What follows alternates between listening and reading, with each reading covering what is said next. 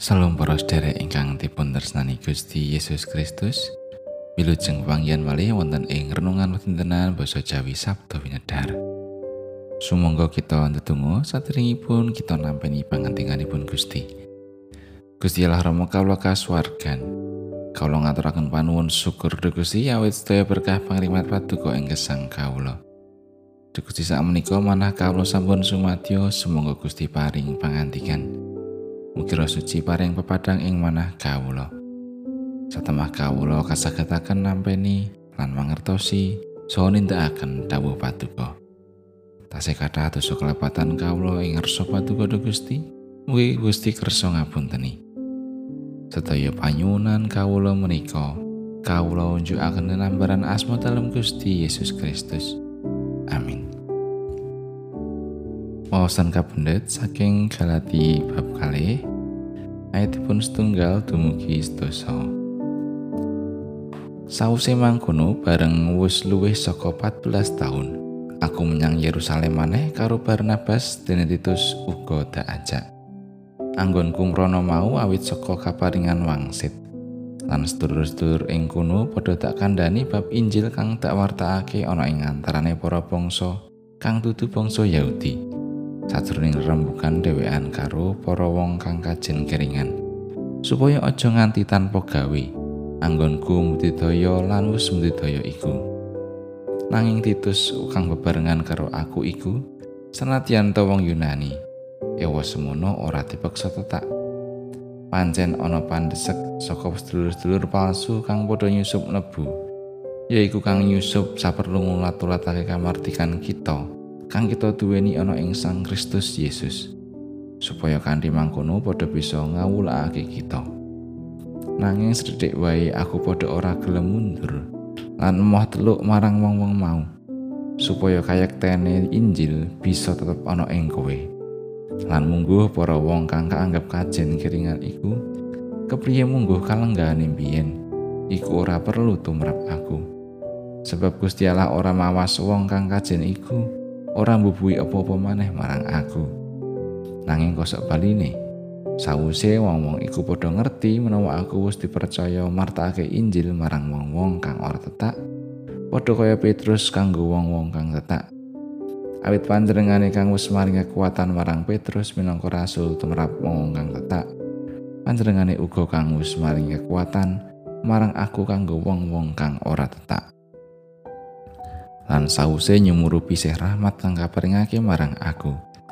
Yakobus, Kefas lan Yukanan kang kaanggep padha dadi saka guru ning pasamuan.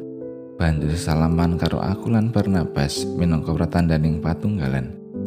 Supaya aku maranono marang wong-wong kang ora tetak lan dheweke padha marang wong tetakan.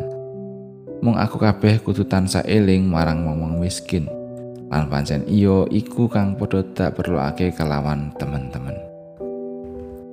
Mengatakan pangantinganipun Gusti lumantar seratipun Rasul Paulus. Ayat naseng ayat gangsal. Nangis dedek wae aku padha ora gelem mundur lan emoh teluk marang wong-wong mau supaya kayektene Injil bisa tetep ana ing kowe. Wonten ing gesang padintenan malah ing sauruting gesang kathah bab ingkang asring ngendhe persetyo lan kastetepan kita wonten ing Sang Kristus Yesus. Menika sedaya saged dipun wastani pandadaring gesang. Wontene aurat lan entenging pendadaraning gesang menika pinto-pinto. Setunggalan sanesipun benten-benten. Wonten ingkang mastani bilih perkawis ingkang nempuhi ing gesangipun sawijining tiyang menika aurat. Maka tano ugi kosak wangsulipun menopo ingkang nempu ing tiang ingkang mungel aurat. Menawi dipun wawas derek sanesipun menika perangan ingkang karaos enteng. Mila wonten tembung wong mono mung wang sinawang. Dados tumraping setunggal lan setunggalipun boten badhe sami. Mbok menawi mangkaten ingkang kelampahan ing pelatusanipun para rasul anginipun ngiyaraken Injil kratoning Allah tumrap golongan kang boten tetak menapa kedah dipun terapi tata adat Yahudi? Menapa mboten? Tumraping para-para ingkang ngugemi kaluhuran ing tata adat Yahudi? Ngeterapake tata adat Yahudi tetes kewajiban. Mongko menawa kewajiban dipun lirwakaken ateges kirang tata lan mboten pantes. Wonten tumraping Rasul Paulus boten mekaten. Sauger Injil kratoning Allah saged kababar sinartan pangetrape adat Yahudi menapa boten menika sanes perangan ingkang wigati. Menapa malih nalikanipun pamrayogi menika tuwuh wontenipun raos rai lan dengki. Boten perlu kagape utawi karewes. Ingkang bagan pilih menapa ingkang katendakaken injih namung saking kersanipun Sang Kristus. Ingkang paring dawuh lan ngersakaken Injil tentang rahayu menika karaosaken lan kababar. kinantenan kamartikan. Inggih menika kamartikan ingkang sejati ing Sang Kristus Yesus kemawon. Sedaya ingkang tinempu ing gesang tansah karaosaken kanthi kumantul ing Gusti. Aura to entengo, sedaya karambungaken kanthi greget lan semangat. Boten badhe ewah gingsir tetep bakoh kukuh ing Sang Kristus. Saestu panjenenganipun Gusti Yesus Kristus ingkang dadosaken pikukuh pikekaning gesang. Amin.